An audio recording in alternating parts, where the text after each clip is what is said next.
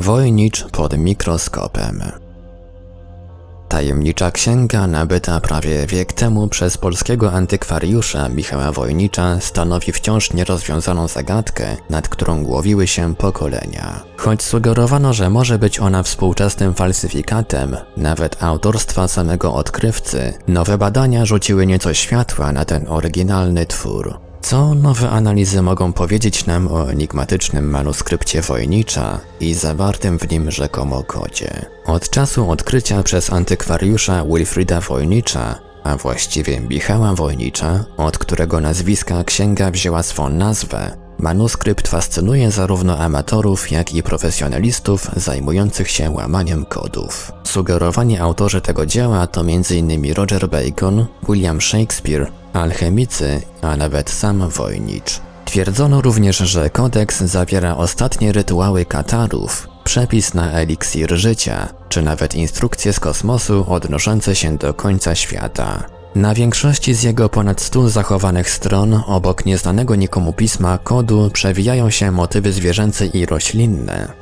Wizerunki znaków zodiaku, kąpiących się dam, czy też zawiłych ornamentów przypominających rurociąg lub widok na próbkę pod mikroskopem. Należy zaznaczyć jednak, że wiele z zawartych w manuskrypcie Wojnicza wizerunków wpisuje się w antyczną tradycję lub odpowiada ilustracjom medycznym. Trudności w odczytaniu księgi sprawiły, że niejednokrotnie uznawano ją za oszustwo. Pojawiły się także różne próby osadzenia manuskryptu w ramach czasowych, choć z racji tego, że zawierał on znaki zodiaku, musiał powstać po XII wieku, kiedy to w Europie zaczęła rozwijać się astrologia. Badania i dyskusje nad manuskryptem obejmowały często teorie, których nie powstydziłyby się uniwersyteckie wydziały matematyczne. Niekiedy zwracano także uwagę na pewne niuanse, takie jak na przykład wizerunek strzelca, którego charakterystyka wskazywać ma na fakt, że manuskrypt pochodzi z XX wieku. Jednakże większość badaczy zajmujących się manuskryptem zajmuje wyważone stanowisko między dwoma krańcowymi.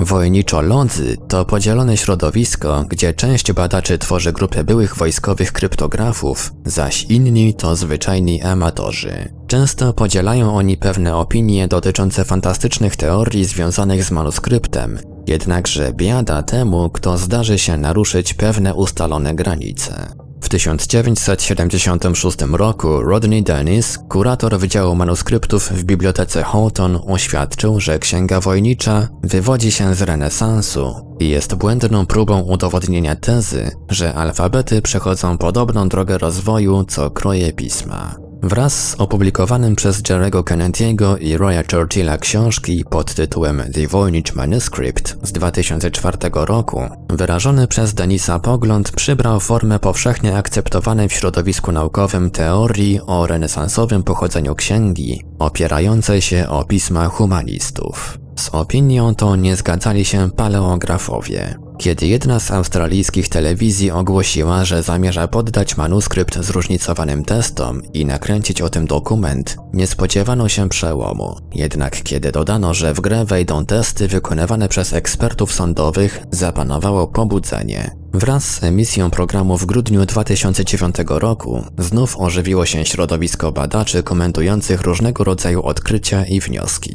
Przeprowadzona przez laboratorium University of Arizona datacja radiowęglowa określiła, że księga pochodzi z okresu między 1404 a 1438 rokiem z dokładnością 95%. Następnie badaniom poddano fragment wykorzystany przez autora, orzekając, że jest to atrament galusowy naniesiony na świeży materiał pisarski, w tym przypadku welin, czyli taki, na którym nie wytworzyła się patyna, co ma miejsce po kilku miesiącach, jeśli nie tygodniach. Dodano, że jedna z pionowych linii tekstu umieszczonych na pierwszej stronie manuskryptu wykonana została atramentem pochodzącym z XVI lub XVII wieku. Jak zatem wygląda werdykt po przeprowadzeniu tych analiz? Zdaje się, że wykluczono teorię o współczesnym falsyfikacie przy zwróceniu szczególnej uwagi na skomplikowane odrodzeniowe szyfry czy sztuczne języki, do których klucza należy szukać być może w późnym średniowieczu. Szybki skok w wojniczologię na przykład, poprzez analizę dyskusji na forach internetowych, wskazuje, że debata jest wciąż żywa i ma się tak dobrze jak nigdy dotąd. Znawcy zagadnienia są nadal poważnie podzieleni.